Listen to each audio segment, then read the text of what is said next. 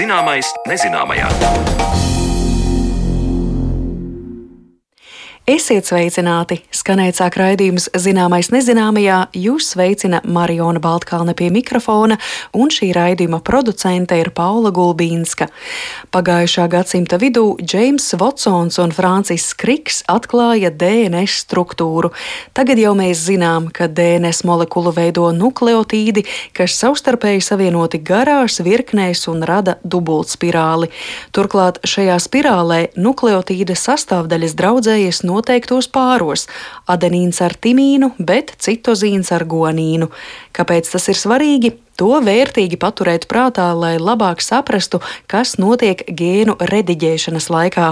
Par gēnu rediģēšanas paņēmienu CRISPR-Cas9 un tā nozīmi augu biotehnoloģijā runāsim raidījuma otrajā daļā, un zināšanas par DNS uzbūvi un to, kā tai var piesaistīties RNS, ļauj gēnu rediģēšanu īstenot.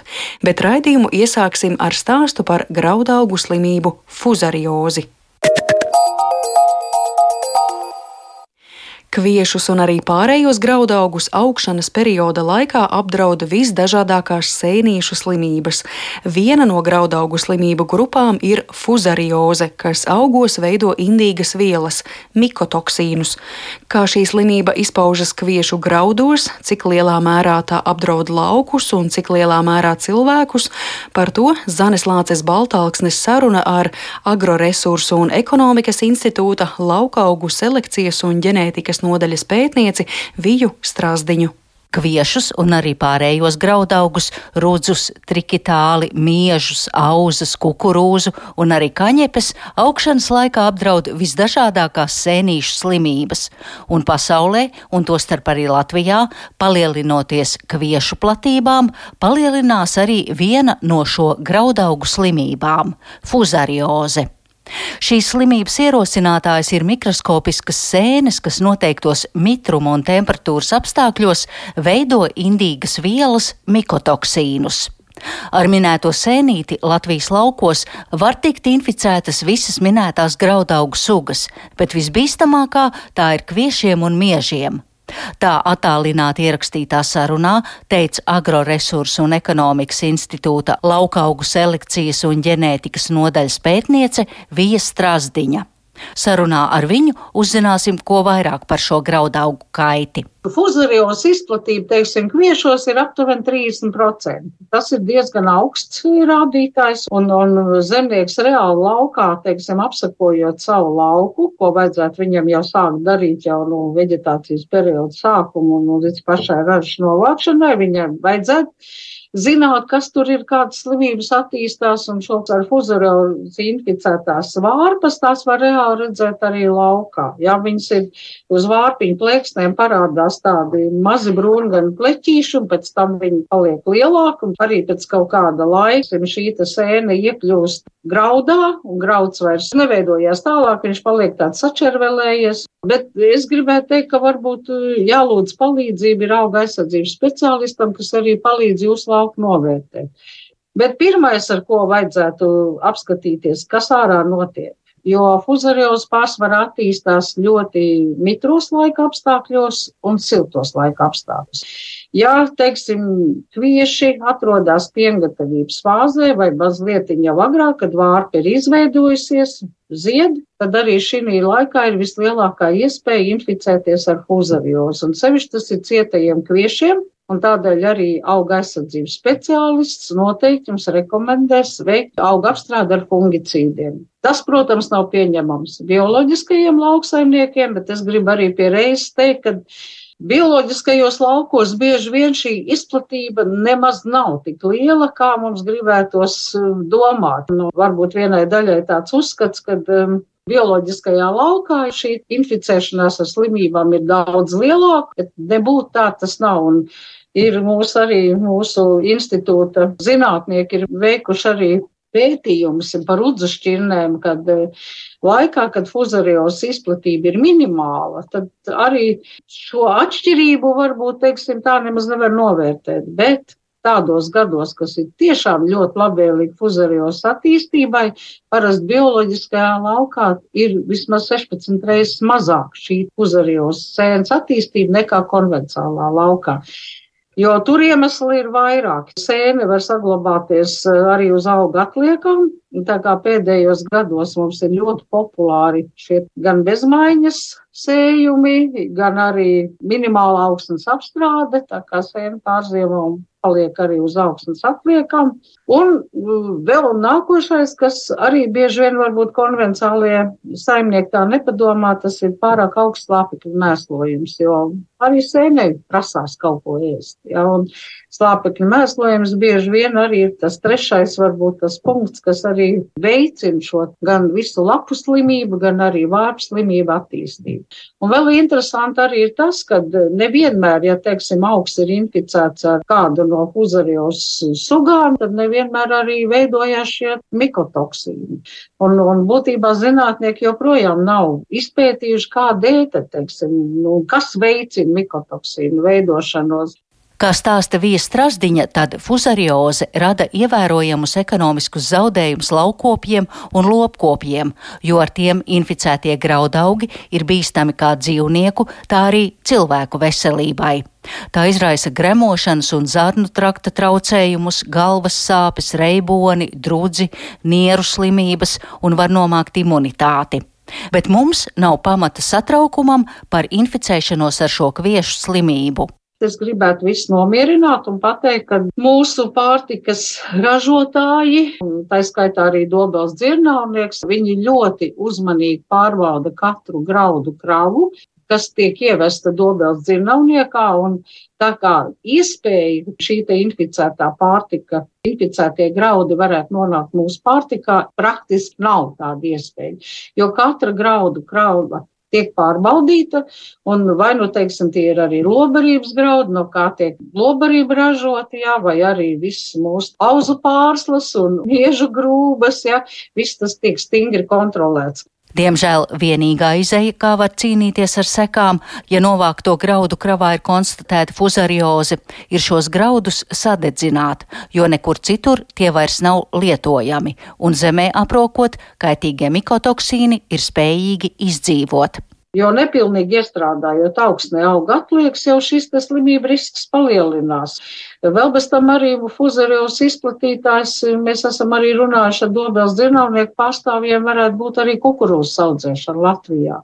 Jo kukurūza ļoti ieņēmīga pret fuzariozi, un līdz ar to šīs auga atliekas paliek augsnē, un sējot, teiksim, tos pašus kviešus, jā, notiek atkal atkārtota inficēšanās. Bet Piemēram, šogad es domāju, ka tas inficēto šķirņu un inficēto augu skaits būs minimāls, bet tas ir tikai mans pieņēmums. Ja būs, teiksim, tāds pats karstums, kāds ir šobrīd, ja tas ēnē vienkārši nav labvēlīgi apstākļi arī attīstīties, lai gan es to zinu.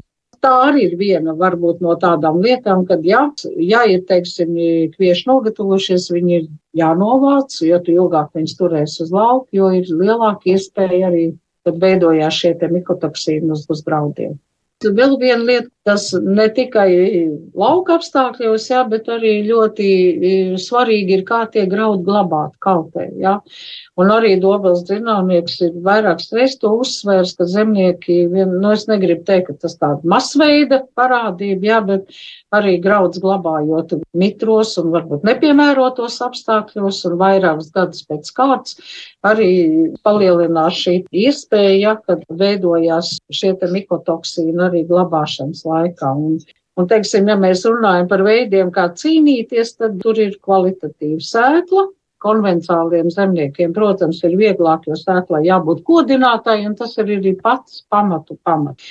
Pareiza augumaiņa, sabalansēts mēslojums ir un fungicīdu lietojums ziedēšanas laikā. Sevišķi tas ir audzējot dūrumu vai cietos piešus. Vija Strasdiņa bilst, ka pētījumos par fuzariozes izplatību ir secināts, ka Latvijā tā nemēdz būt bīstama, tomēr invāzijas gadījumā spēj ievērojami pazemināt graudu kvalitāti un ražas lielumu. Kā jau viņa minēja, fuzariozes izplatība kviešos Latvijā ir diezgan augsta, vairāk par 30%, taču mikotoksīnu daudzums graudos nepārsniedz atļauto normu. Situācija var mainīties gadījumā, ja palielinās izplatība tām sugām, kas pastiprināti ražo mikotoksīnus. Piemēram, Anglijas klimatiskie apstākļi, paaugstināts mitrums un mērena gaisa temperatūra, kā arī lielās kviešu lauku platības var būt draudz pastiprinātai fuzariozes izplatībai, un tur uztraukums var būt pamatots. Es jau tagad varētu teikt, ka zemniekiem jāsēj ir izturīgi šķirnes pret fuzariozi, jā, bet tas nemaz tik viegli nav izdarāms, jo tādas pilnīgi imūnu šķirnes un izturīgas šķirnes šobrīd pasaulē pret fuzariozi nemaz nav. Un arī ne katru gadu mēs varam fuzariozi tā tik ļoti labi arī savos laukos novērt.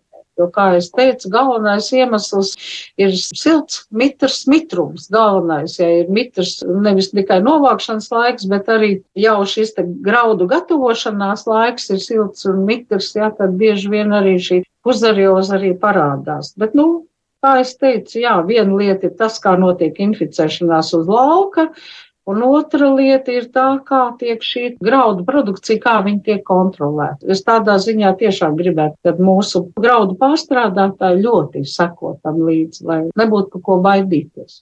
Kā jau laukaugu selekcijas un ģenētikas nodaļas pētniece Vija Strasdiņa minēja, tad pētījumi liecina, ka nav īsti skaidrs, kāpēc un kad sēnes veido indīgās vielas. Galvenais, lai graudaugus pasargātu no fuzariozes, ir šķirnes izvēle, kvalitatīva sēkla, sabalansēts mēslojums, regulāra lauka apsekošana un laikus novākt ražu.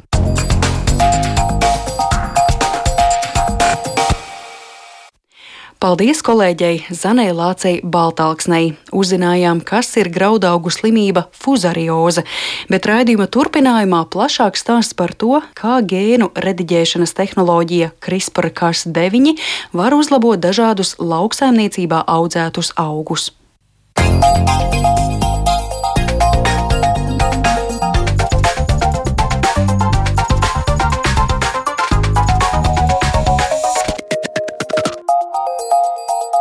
Zināmais nezināmajā. 2020. gadā Nobela prēmija ķīmijā tika piešķirta par gēnu rediģēšanas tehnoloģiju, kas pazīstama kā CRISPR-Cas9 jeb DNS šķēres. Par šo sasniegumu iepriekš esam stāstījuši arī mūsu raidījumā, un ja runājam par genoma jeb gēnu rediģēšanu, tad tas bijis sens zinātnieku sapnis, kam pirmsākumi meklējami pagājušā gadsimta 80. gados. Kā tad šis sapnis ir pārvērties īstenībā, un vai DNS šķēres šķēres palīdzētu mūsu ikdienu padarīt labāku ar augstvērtīgāku pārtiku, izturīgākiem kultūraugiem un varbūt vēl kādiem labumiem. Par to raidījuma turpinājumā sarunāšos ar Latvijas Universitātes bioloģijas fakultātes profesoru Nilu Rostoku. Labdien! Labdien! Klausītāji vairāk vai mazāk par gēnu rediģēšanu būs dzirdējuši, tomēr pirms mēs saprotam šīs tehnoloģijas tiešām tādu praktisko ietekmi uz mūsu dzīvi, es domāju, ka būtu derīgi atgādināt, kā tad izpaužas gēnu rediģēšana jeb DNS šķēres, attiecīgi, kas tur tiek sagriezts. Tātad strādā enzīms, kas saucās CAS9 nukleāze, kompleksā ar ļoti specifisku RNS molekulu. Tātad enzīms proteīns sašķeļ DNS, veido divpavadienu pārāvumu, tātad abas DNS ķēdes tiek pāršķeltas, un to specifiskumu piešķir šī RNS molekula. Tātad tā piesaistās pie DNS molekulas, izveido heterodupleks ar DNS molekulu, un tajā vietā var piesaistīties enzīms un sašķelt. Tātad izveidojas jauna kombinācija versija pusīte no DNS, kurai klāt tagad piesaistās RNS. Jā, abas DNS ķēdes tiek atritinātas, un pie vienas no tām, balstoties uz bāzes komplementaritātes principu, kur Vatsons un Kriks jau atklāja mm -hmm. jau labu laiku atpakaļ, tad piesaistās šī RNS molekula. Adenīns, timīns, citozīns, guanīns, vēl tur uracils nāk klāt. Jā, jā nu, RNS molekulā ir uracils. Jā. jā, tā ka tas tiek ievērots. Kā tad izpaudās šie gēnu rediģēšanas pirmsākumi? Es šeit pieminēju 80. gadus. Nu, galu galā cilvēki visos laikos ir mēģinājuši, piemēram, augus modificēt. Selekcija ir kā viens no piemēriem. Kā tad tas sākās? CRISPR, kas vēl nebija 80. gados? 80. gados Japāņu zinātnieks atklāja, ka baktēriju genomos ir tāda dīvaina atkārtojuma. Viņš neko tālāk daudz ar to neizdarīja, bet nu, publikācija no tiem laikiem ir var teikt, ka viņš varbūt bija pirmais, kurš tiešām to atklāja. Bet 80. Eh, gados augu ģenētikas un gēnu modifikācijas jomā bija liels uzrāviens, jo tieši tajā laikā parādījās pirmie transgēni augi. Tika atklāts, ka baktērija, kas saucās agrobakterijum tumefāciens, spēja savu plazmīdu DNS, saucamo TDNS rajonu, pārnest augu šūnas genomā ievietot augšūnas genomā. Un, tas gan jāsaka, ka tagad mēs zinām, ka baktērija to dara diezgan nespecifiskā veidā, respektīvi tas DNS, TDNS gabals tiek ievietots vienalga kādā vietā auga genomā. Un tas no vienas puses bija liels panākums, jo ļāva tātad, gan attīstīt fundamentālo zinātni, tas bija arī pirmsākums auga gēnu inženierijai un auga biotehnoloģijai, kas mūsdienās ir novedusi pie ļoti populāriem ģenētiski modificētiem augiem, kas tiek plaši audzēti lielā daļā pasaules, izņemot Eiropas Savienību. Bet eh, tā pašā laikā bija skaidrs, ka šī genoma modifikācija ir diezgan nespecifiska tādā ziņā, ka nu, tā DNS tiek ievietot vienalga kurā vietā. Un tas, ar ko atšķirās eh, CRISPR-Cas genoma rediģēšanas sistēma, ir tas, ka tā ļauj ievietot vai veikt modifikāciju genomā ļoti, ļoti konkrētā vietā. Un to modifikāciju veidi, protams, ir dažādi.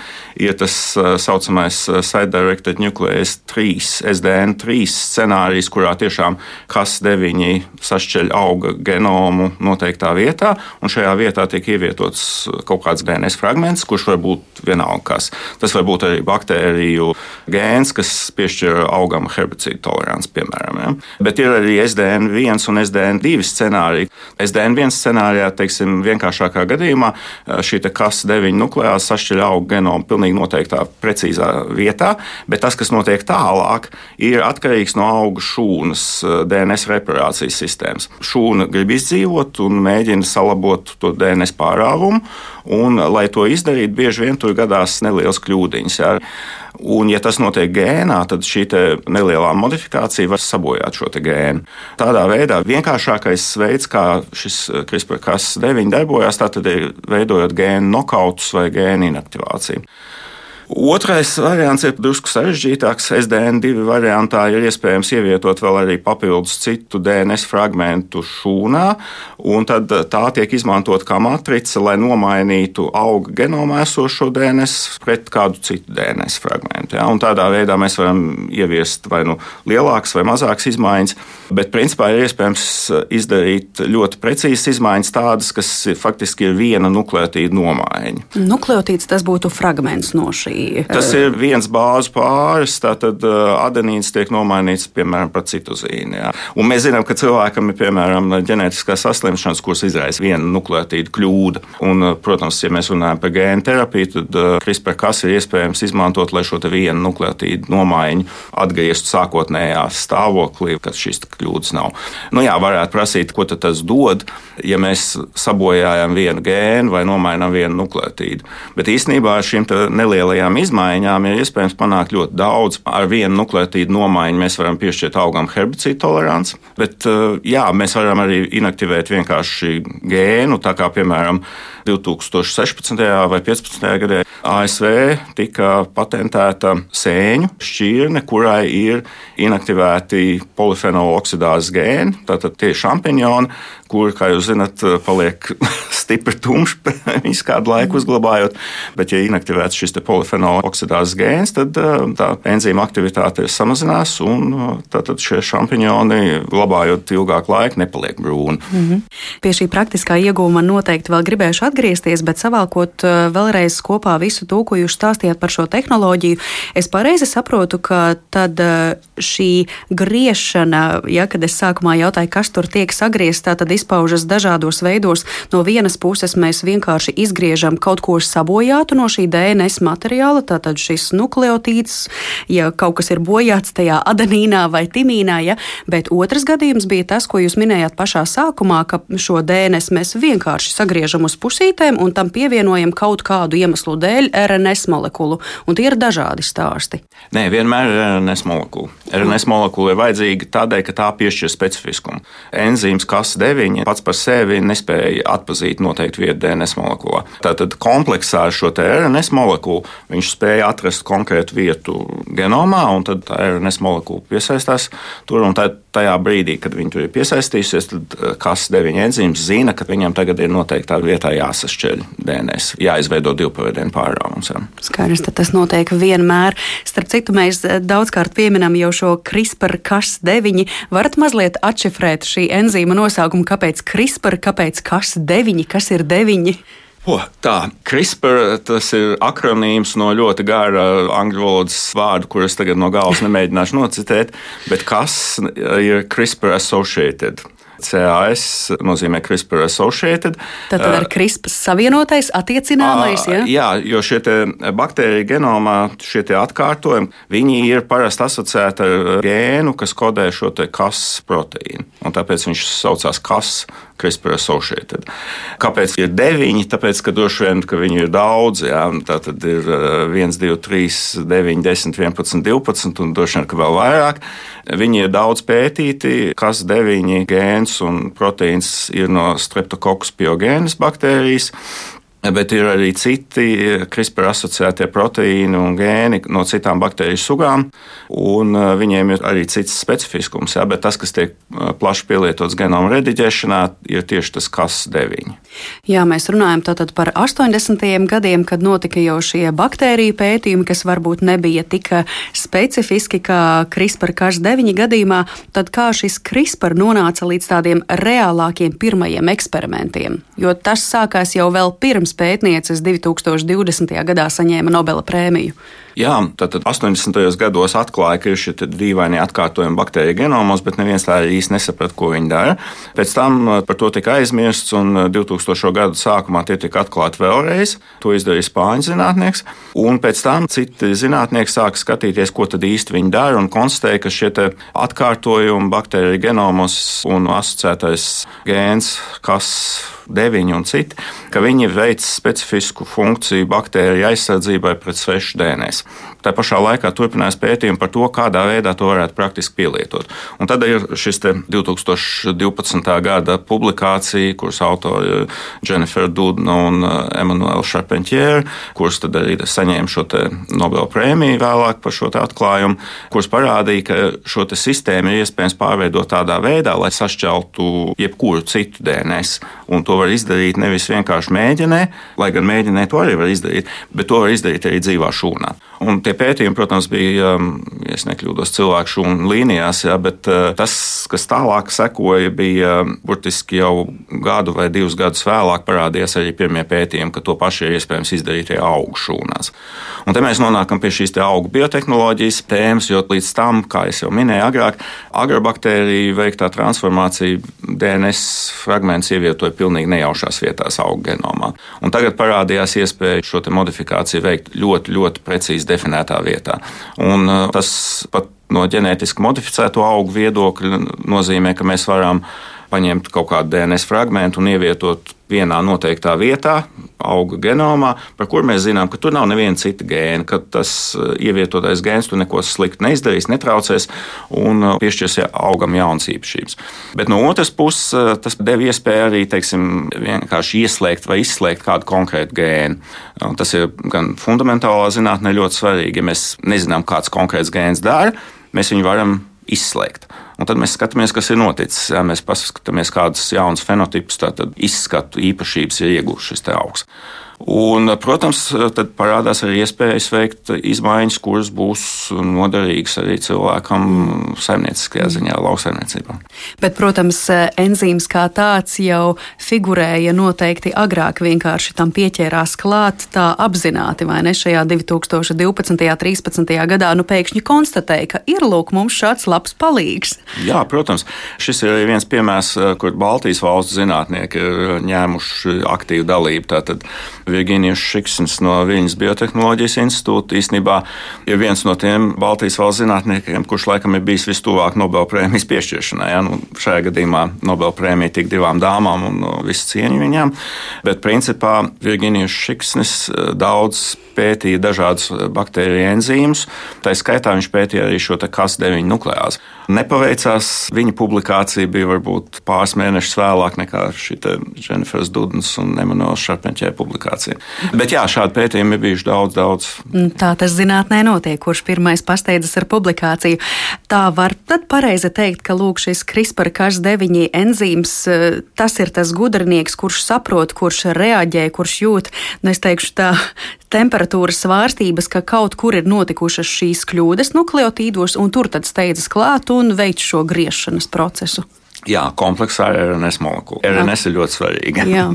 Ziniet, kamēr jūs stāstījāt šo procesu, kā tas izpaužas, es iedomājos kaut kādas ikdienas darbības, kuras varbūt varētu salīdzināt ar šo griešanas procesu. Jūs pasakiet, vai to var tik vienkāršoti salīdzināt? Nu, piemēram, mēs tamborējam šalli un pēkšņi pamanām, ka kaut kur nav uztrāpīts viens valdziņš, ja? un tad šī šalle sāk irt, un lai tā neizirtu pavisam, mums ir jāizārda līdz tai vietai, kur šis viens nabaga valdziņš maziņš palika, un tad mēs turpinām tamborēt tālāk. es teiktu, ka šeit ir varbūt drusku pat tiešāks. Tamborējot, jūs droši vien to nevarat izdarīt, bet šajā gadījumā mēs varam aiziet uz to vienu vietu DNS molekulā un nomainīt to vienu nukleotīdu, un tālāk viss būs kārtībā. Protams, tas izklausās pārāk skaisti, un laikam jau arī ir. Jā. Ja mēs runājam par cilvēku ģenētiskajām saslimšanām, tad mums tas viens nukleotīds būtu jānomaina katrā no cilvēka triljonus šūnām. Tā ir tā lielā problēma. To nav tā tik vienkārši iespējams izdarīt.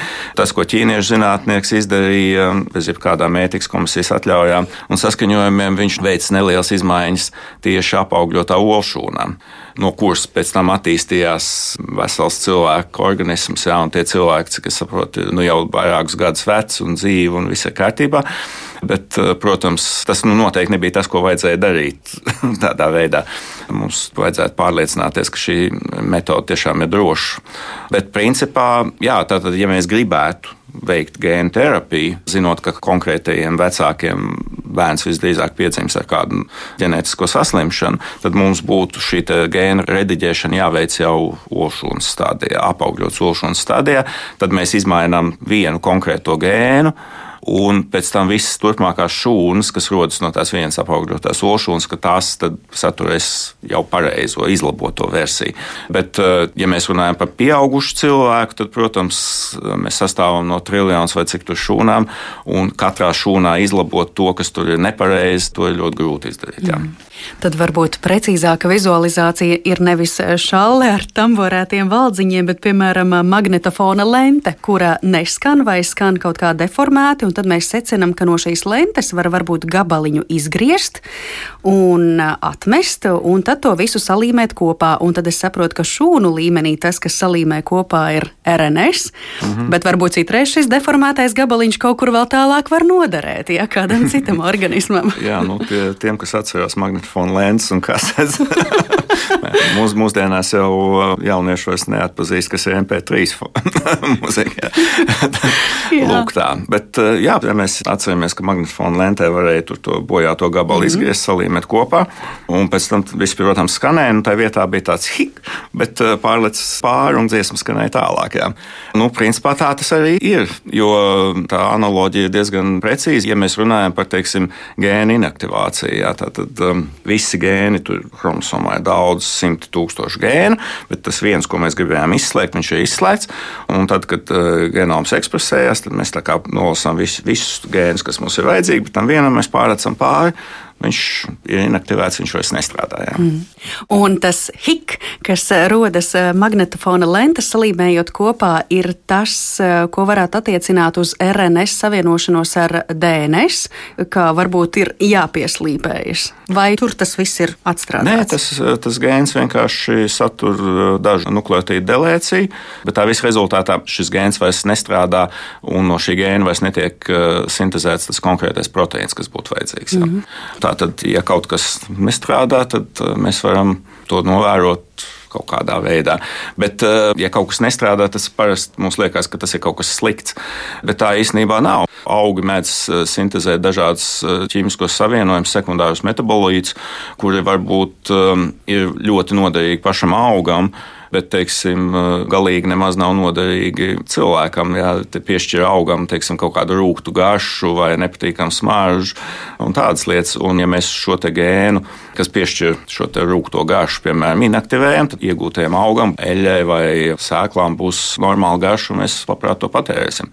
Piemēram, ir tas pats raps, kuram dabiskā veidā viņam būtu diezgan šie rūktie savienojumi, bet principā tos ir iespējams izslēgt. Un tad ar apšēļu, kur mēs lietojam pārtikā, būs bez šīs nepatīkamās garšas. Mm. Ziniet, tas, ko es pirmie biju iedomājusies par šo pieslīpēšanos RNS un DNS molekulai, ir tieši saistībā ar šīm atšķirīgajām slāpekļa bāzēm, jo tomēr RNS nāk ar uracilu, un vai tas tik precīzi tagad saslēgsies ar šo DNS.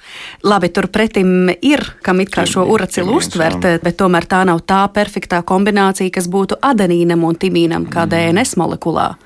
Nē, DNS un RNS hibrīds ir uh, pat stabilāks nekā DNS. Mm. DNS. Jā, tā kā tas, tas nebūs tas iemesls. Bažām nav pamata. Labi, tad mums jau augi un iespējas augus uzlabot jau sarunas gaitā ir parādījušās. Tad es saprotu, ka visa šī gēnu rediģēšana tā ir iespēja gan gēnus inaktivēt, gan arī kaut ko šajā ģenētiskajā materiālā uzlabot.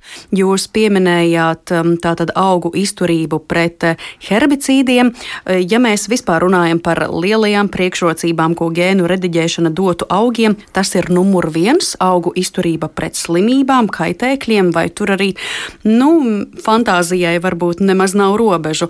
Augi smaržīgāki, labāka garša un tā tālāk. Jā, nu tas herbicīdu piemērs ir varbūt uh, ne īpaši veiksmīgs, jo tas parasti asociējas ar ģenētiski modificētiem augiem, kuri ir izturīgi pret herbicīdiem. Un to pašu ir iespējams izdarīt ar gēnu rediģēšanu. Ja? Bet uh, tas, kas ir varbūt interesantāk, ir, ka ar gēnu rediģēšanu ir iespējams panākt modifikācijas, kuras no vienas puses citādāk vispār ir grūti izdarīt, un no otras puses uh, šis augs īstenībā nesatur nekādu svešu DNS. Ja mēs runājam par ģenētiski modificētiem organismiem, tad tie ļoti bieži satur baktēriju gēnus. Tas bieži vien ir tas, kas eh, patērētājs attur no viņa lietošanas vai pielietojuma. Bet uh, genomiski rediģēts vai gēnu rediģēts augus ir iespējams iegūt tādus, kuros nemaz nav svešas DNS. Bet, eh, kā jau mēs runājām, viens gēns ir izslēgts, varbūt viens gēns ir nedaudz izmainīts, varbūt arī pieci vai desmit gēni vienlaicīgi izmainīti.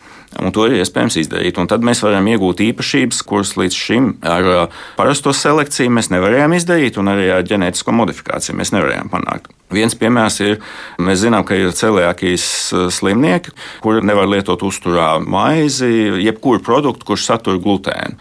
Un glutēna proteīna parastajos kviešos, piemēram, kodē desmitiem gēnu. Un vienlaicīgi kaut kādā veidā izmainīt šos 10, 30, 40 vai cik tur gēnus nemaz nav iespējams. Līdz šim nebija.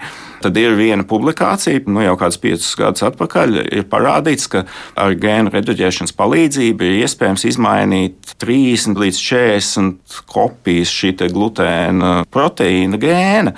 Un tā visa rezultātā tiek izmainīts tieši tas konkrētais proteīna epitops, kurš nosaka šo autoimūno saslimšanu celiakiju. Tieši tas gabaliņš, jā. Tieši tas mm. konkrētais gabaliņš. Mm. Tā visa rezultātā proteīns vēl aizvien tur būs, bet viņš būs izmainīts tādā veidā, ka šie kvieši vairāk mm. nesaturēs to slikto glutēnu. Tik daudz kā līdz šim, un faktiski tas produkts varētu būt jau lietojams celiakijas pacientiem. Tātad viņi atkal var ēst normālu kviešu maizi, nevis kaut kādas rīsu plācenīšas. Mm, nu, tas ir viens piemērs. Mm. Tāda ir daudz. Viens no komerciāli pieejamajiem produktiem ir Japānā. Tā tad radīta tomātu šķirne, kas satur paaugstinātu gāma aminoskābes daudzumu. Un gāma aminoskābe ir viens no tādiem savienojumiem, kas eh, darbojās kā nomierinošs faktors, uzlabo sirdsdarbību. Parastos tomātos gāma aminoskābe arī ir, bet ne tādos daudzumos. Mēs nevarēsim apēst kilogramiem tomātus, ja? Nu, negribēsim arī droši vien. Bet eh, šeit jau šajos tomātos eh, gāma aminoskābes daudzums ir stipri lielāks nekā parastajos. Un, un tā tad apēdot vienu tomātu dienā, droši vien mēs uzņemam to nepieciešamo daudzumu, kas mums noņem stresu, uzlabos sirdsdarbību un tā tālāk. Un šis produkts īstenībā ir uh, panākts tieši ar šo genoma rediģēšanas metodu, kurā viena daļa gēna tiek uh, sabojāta. Tā um, magnetofona lenda tiek speciāli sabojāta. Jā, jā, jā, jā. Un, un, un, un tādā veidā tiek iegūta jauna melodija.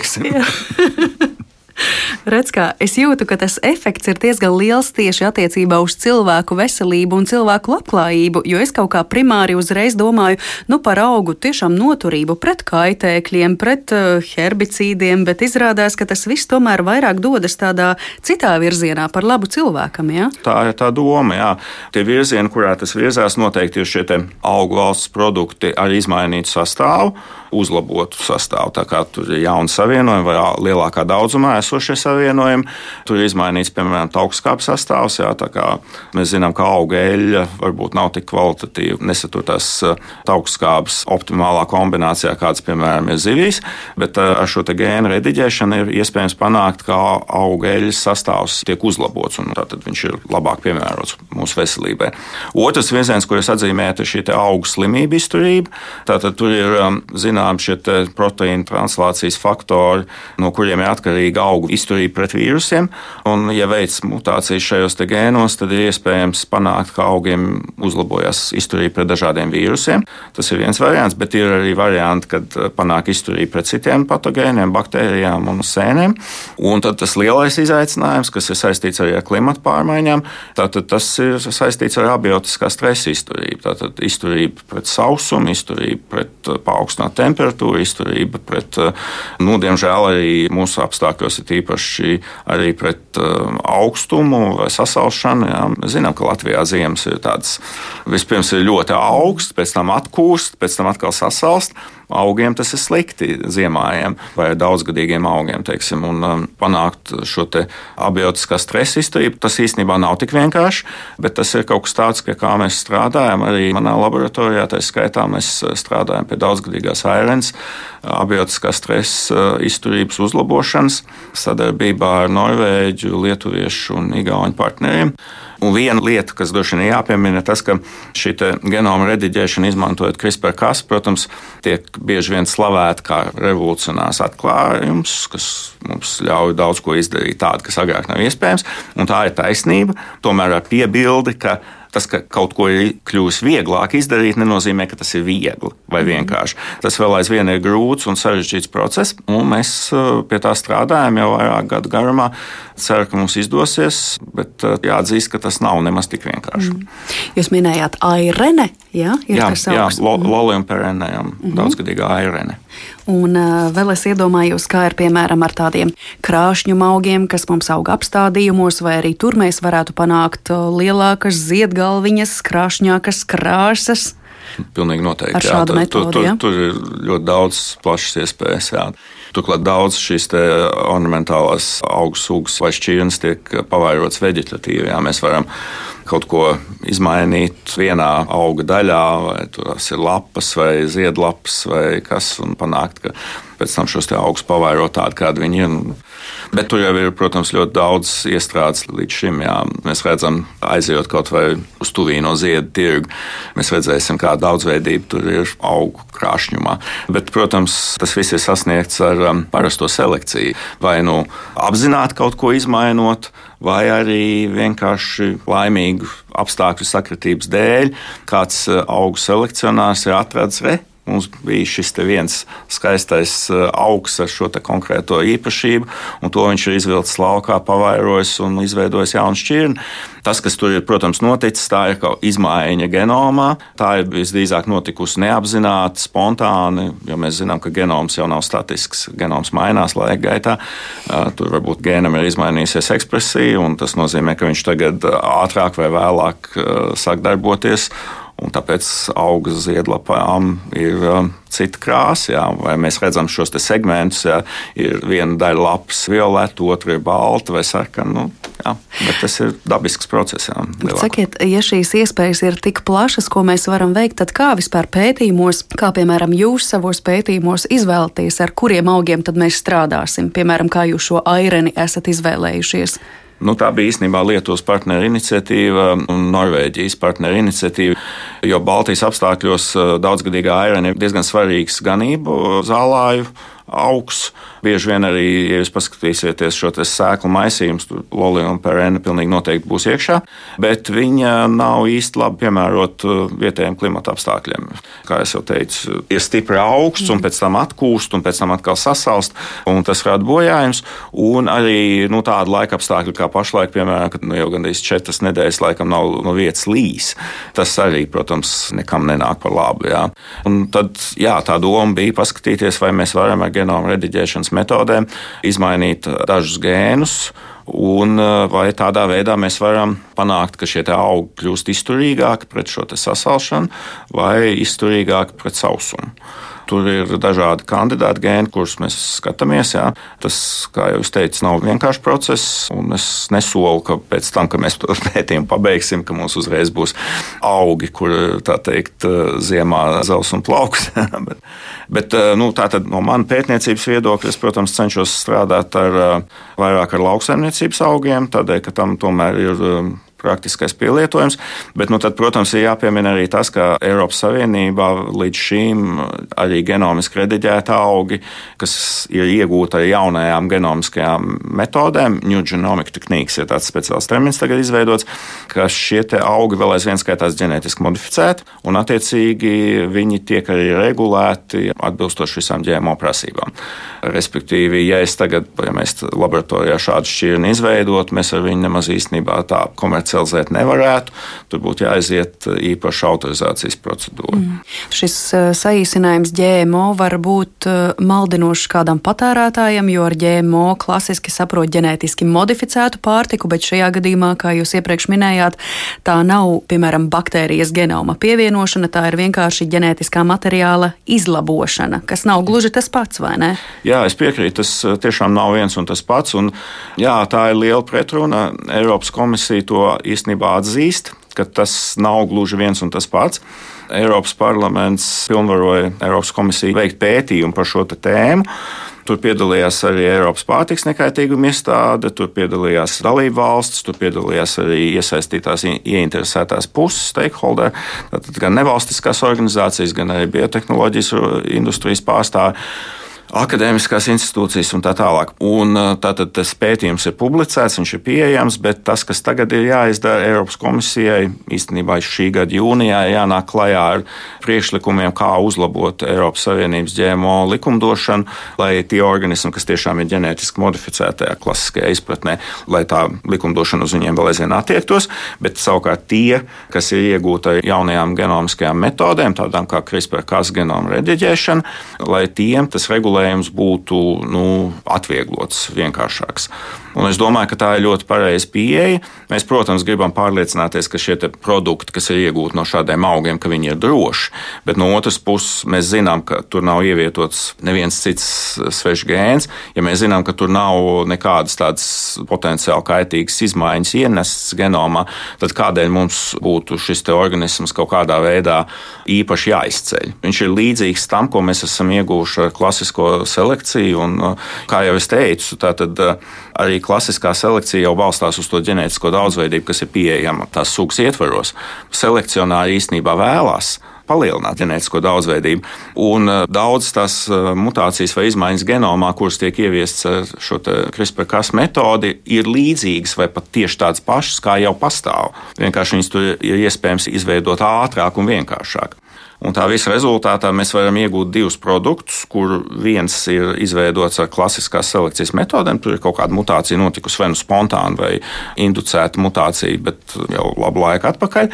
Un otrs produkts, kurš ir izveidots ar šo CRISPR-Cas genomu rediģēšanu, tā pazīme, kur selekcionāri vēlās, ir viena un tā pati. Atšķirība ir procesā. Viens ir iegūts klasiskā veidā, un otrs ir iegūts ar šo jauno genomu rediģēšanas metodu.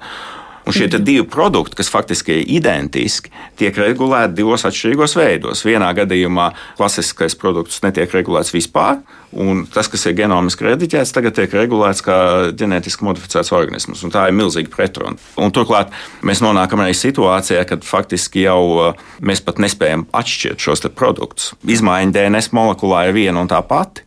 Mēs varam noteikt šo konkrēto mutāciju, bet mēs nevaram pateikt, kādā veidā tā mutācija ir radusies. Un, uh, tas rada milzīgas problēmas teiksim, regulējošām uzraudzības iestādēm, gan tepat Latvijā, teiksim, gan visur citur Eiropas Savienībā. Un, turklāt, kā jau es minēju, ir daudz valsts pasaulē, kurās šie genomiski rediģētie organismi jau tiek plaši pielietot. Es minēju tomātus Japānā. Nu, labi, mēs, protams, neimportēsim tomātus no Japānas, vien, bet Argentīnā, ASV audzē sojas pupas, kurās ir izmainīts augstskāpes sastāvs. Tas produkts ātrāk vai vēlāk nonāks Eiropas Savienībā. Jā, nu, bet tas jā. izmaiņas nekādā veidā neietekmē produktu drošību. Jā. Jā, Galu galā abos gadījumos mēs apzināti iedarbojamies uz šo augu. Es jums vēl tikai noslēgumā gribētu pajautāt eh, tomēr, tomēr par šīs metodes, tātad CRISPR-Cas iespējamiem riskiem. Mēs vairāk līdz šim runājām par to, un jūs minējāt par um, to, ka tas nav nemaz tik vienkārši, tas ir grūti, sarežģīti, bet vai mēs varētu runāt arī par kaut kādiem riskiem, nu, piemēram, mazinātos augu daudzveidība, varbūt uh, izveidotos plašas, izturīgas monokultūras, kaut kas tāds arī ir iespējams līdztekus visiem tiem labumiem? Nu, par riskiem runājot, tas viens no varbūt um, sagaidāmiem riskiem ir tas, ka šīs genoma rediģēšanas iespējas iespējas tagad palielinās. Mēs varam veikt tādas modifikācijas, kādas agrāk nebija iespējamas. Un mēs varam izveidot jaunas kombinācijas, kādas agrāk nav pastāvējušas. Tāpēc es saku, ka nav nepieciešams pilnībā atteikties no regulējuma, bet eh, jāskatās, kas tad īsti ir izdarīts un attiecībā no tā, kādas izmaiņas ir veikts, tad ir eh, jāvērtē šie saistītie riski. Viens no tiem, protams, ir arī eh, tā saucamie off-target efekti, ka, piemēram, šī nukleāra sašķelta ne tikai to vietu, kur mēs vēlamies, mainījies, bet viņi ir sašķēlusi un izmainījusi kādu citu vietu genomā. Ja? Bet nu, to ir iespējams um, pārbaudīt. Attiecībā par monokultūrām tas, uh, manuprāt, nav īstenībā saistīts ar ģenētisko modifikāciju vai genomu rediģēšanu. Ja? Visas augu šķirnes, kuras mēs tagad izmantojam, ir kaut kādā veidā ģenētiski pārveidotas selekcijas gaitā, tūkstošu gadu laikā, bet varbūt pēdējos simts gadu laikā. Varbūt tur ir veikta mutaģenēze ar radiāciju vai ķīmiskiem savienojumiem. Lielākā daļa mūsdienu kviešu un miežu šķirnes īstenībā ir šādā veidā apstrādāts. Mēs viņus audzējam lielās platībās, un problēma ir nevis tas, ka viņas ir kaut kādā veidā izmainīti, bet tas, ka nu, jā, monokultūra pat par sevi ir slikta bioloģiskai daudzveidībai. Jebkura lauksaimniecība ietekmē bioloģisko daudzveidību. Tātad, vai tā ir klasiskā lauksaimniecība vai intensīvā lauksaimniecība ar dažādu auga aizsardzības līdzekļu lietošanu, ar to, ka mēs vienkārši esam lielu platību noklājuši ar vienu un to pašu ģenētiski identisku augu skaitu. Nu, jā, Droši vien, ka tas tā ir. Tā kā drīzāk stāsts ir par sekošanu līdzi šim regulējumam, varbūt lai tas neaiziet par tālu, par traku, tik tālu, ka mēs vairs nevaram šo procesu kontrolēt. Bet, jā, kā es saprotu, līdz brīdim, kad mēs tiešām uzturā ikdienā sāksim lietot uh, ģenētiski rediģētus uh, augus, līdz tam vēl ir kādam laikam jāpaiet. Nemaz nerunājot par to, ka mums vēl ilgs laiks paies, kamēr gēnu rediģēšanu mēs varēsim sākt izmantot tiešām cilvēku cilvēkam ģenētisku saslimšanu gadījumā. Tur ir vēl daudz jautājumu saistībā ar ētiku, ko jūs arī mazliet ieskicējāt, bet es vēlu veiksmi jūsu pētījumos, lai viss izdodas. Un atgādināšu, ka mēs šodien sarunājāmies ar Latvijas Universitātes bioloģijas fakultātes profesoru Nilu Rostoku. Paldies jums par sarunu! Un ar to mūsu šīs dienas raidījums izskan. Par to parūpējās producente Paula Gulbīnska, par mūziku šai stundai gādāja Girts Bišs, skaņu režijā bija Nora Mitspapa un Mariona Baltkalne pie mikrofona. Paldies par pievienošanos šajā stundā un uz sadzirdēšanos citu reizi. Visu labu!